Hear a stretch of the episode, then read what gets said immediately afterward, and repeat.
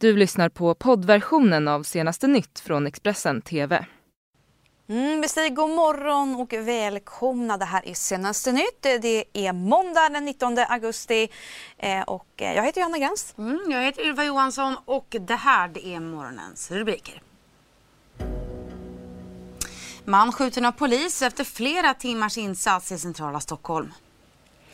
Efter eh, terrorattacken på en bröllopsfest i Kabul, nu kommenterar Donald Trump händelsen.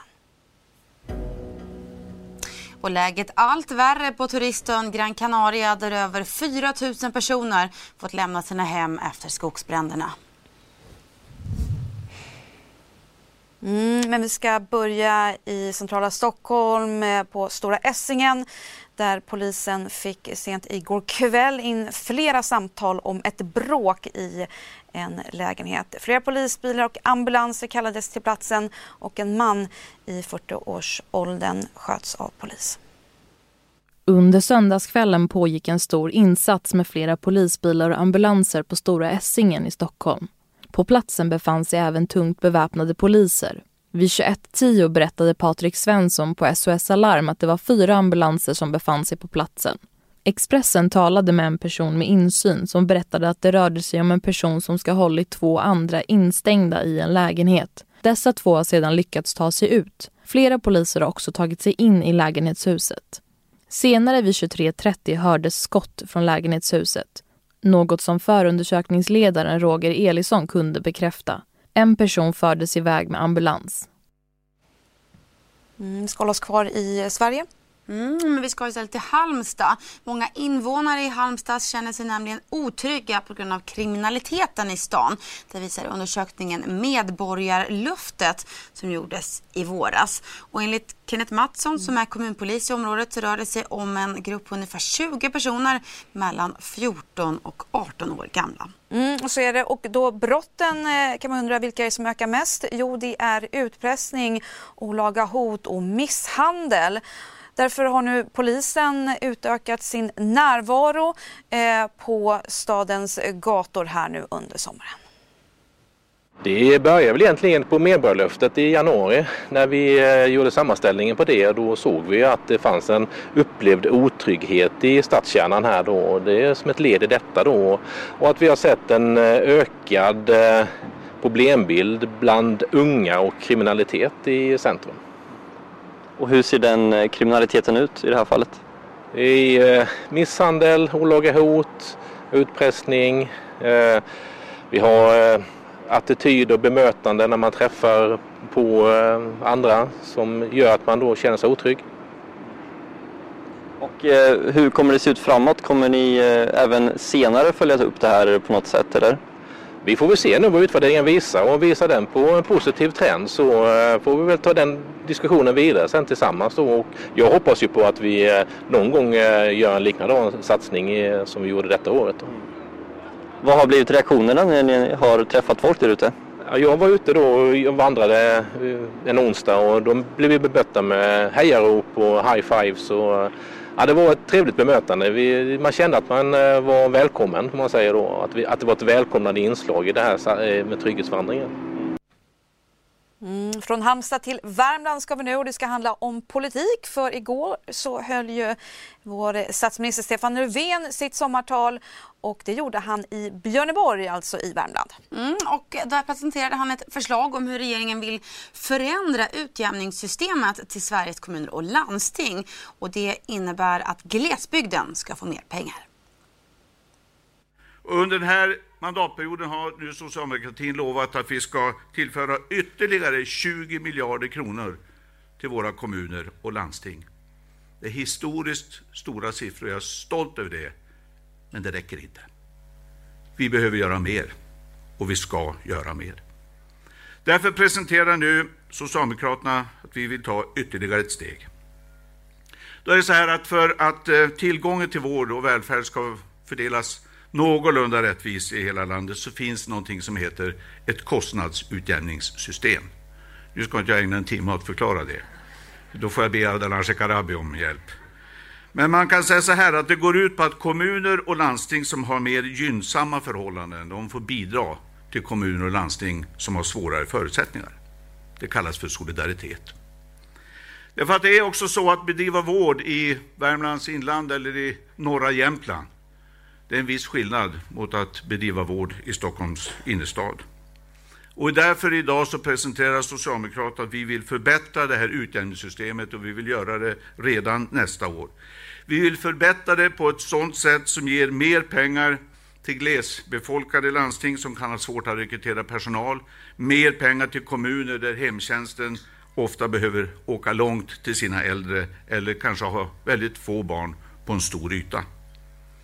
Och det här blir rätt så abstrakt oftast när man ska prata om de här systemen. Men om jag ska konkretisera så kan jag säga att för Region Värmland så innebär det ett tillskott i 250-miljonersklassen. Ja, och tidigare i vår sändning här i Expressen TV och vår poddkanal så hade vi med oss Expressens politikexpert statsvetaren Jenny Madestam.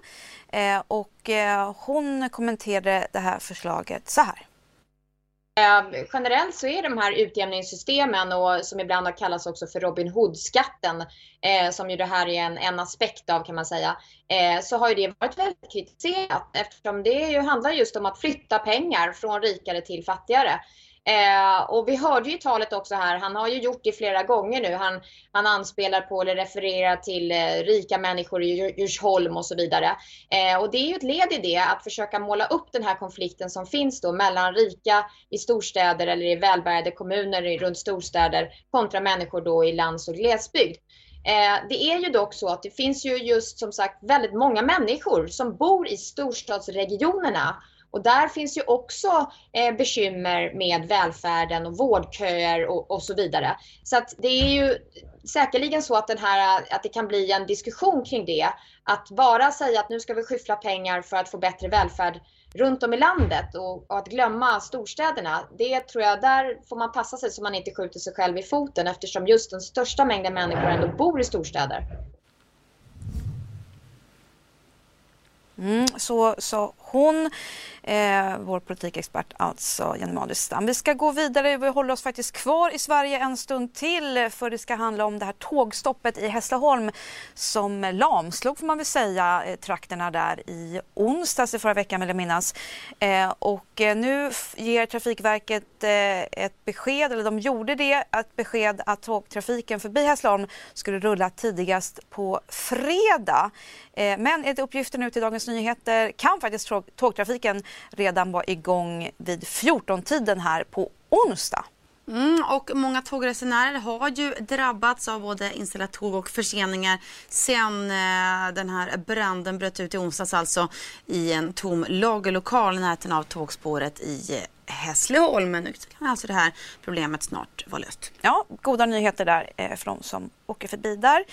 Nu däremot så ska vi ta oss och titta på utrikesnyheterna. Vi har ju kunnat berätta om att minst 63 personer dog och eh, 182 personer skadades eh, i lördagskvällens terrorattack eh, under en bröllopsfest i Afghanistans huvudstad Kabul.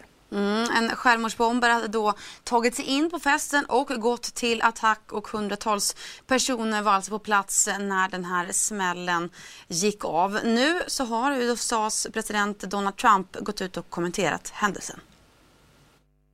A lot of bad things happen in Kabul, a lot of bad things are happening in Afghanistan and some very positive things but we would look we're there for one reason.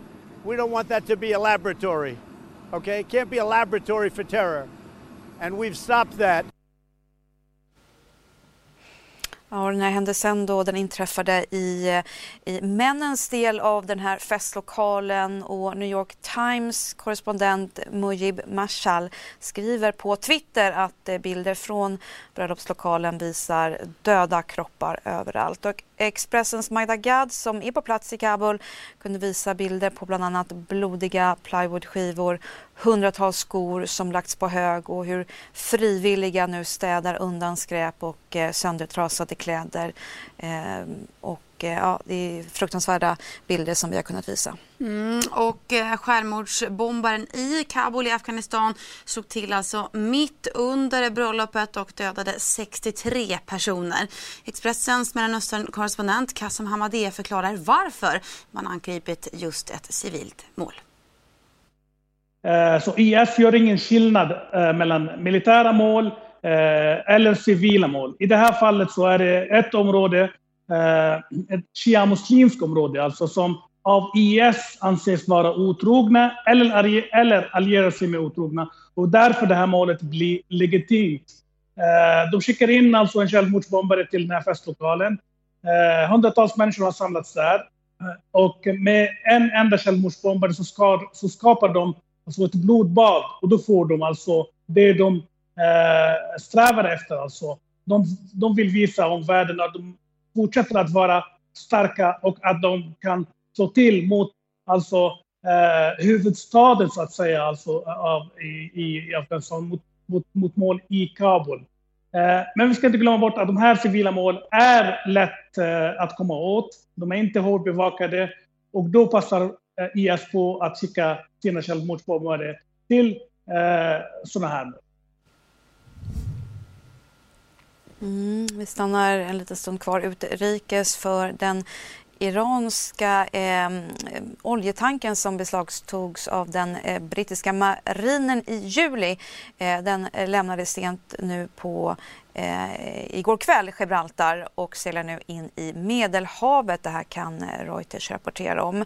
Fartyget ja, det stoppades ju efter misstankar om att det fraktade olja till kriget i Syrien vilket då skulle bryta mot EUs eh, sanktioner. Mm, och Iran har tidigare protesterat mot det här beslaget och kallat agerandet för sjöröveri. Tidigare i veckan så beslutades också att fartyget skulle få segla vidare efter att Iran ska ha försäkrat eh, att inte bryta mot eh, sanktionerna. Mm. Vi stannar kvar runt Medelhavet men till någonting annat för hårt prövade ön eh, och turistparadiset Gran Canaria fortsätter att härjas utav skogsbränder. Och nu tycks läget vara värre än någonsin. För bara eh, en vecka sedan så härjade ju en kraftig skogsbrand och nu igen här i helgen har det hänt eh, Eh, igen. Och nu har ännu en, som sagt, en skogsbrand brutit ut och tvingat över 4 000 människor att lämna sina hem. Gran Canaria har de senaste veckorna härjats av svåra skogsbränder. De här bilderna filmades i förra veckan. 200 brandmän kämpade med att släcka elden som drabbade minst 1000 hektar mark och tvingade drygt 1000 människor att fly sina hem. Och på lördagen bröt ännu en omfattande skogsbrand ut på den norra delen av ön. Hittills har över 4 000 invånare i Vajeseco, Mojo och Teheda tvingats lämna sina hem. Enligt TT rör det sig hittills om ett område på 1700 hektar och 11 vägar har stängts av i området. Omkring 700 brandmän, 10 flygplan och helikoptrar kämpar mot lågorna som sprider sig på två fronter och elden är ännu inte under kontroll. Ja, det här var det här vi hann med just nu, Johanna. Det stämmer och vill ni ha mer nyheter, ja då går ni självklart in på Expressen.se. Du har lyssnat på poddversionen av senaste nytt från Expressen TV. Till förordnad ansvarig utgivare är Klas Granström. Ett poddtips från Podplay. I fallen jag aldrig glömmer djupdyker Hasse Aro i arbetet bakom några av Sveriges mest uppseendeväckande brottsutredningar går vi in med hemlig telefonavlyssning och, och då upplever vi att vi får en total förändring av hans beteende. Vad är det som händer nu? Vem är det som läcker? Och så säger han att jag är kriminell, jag har varit kriminell i hela mitt liv men att mörda ett barn, där går min gräns. Nya säsongen av Fallen jag aldrig glömmer på Podplay.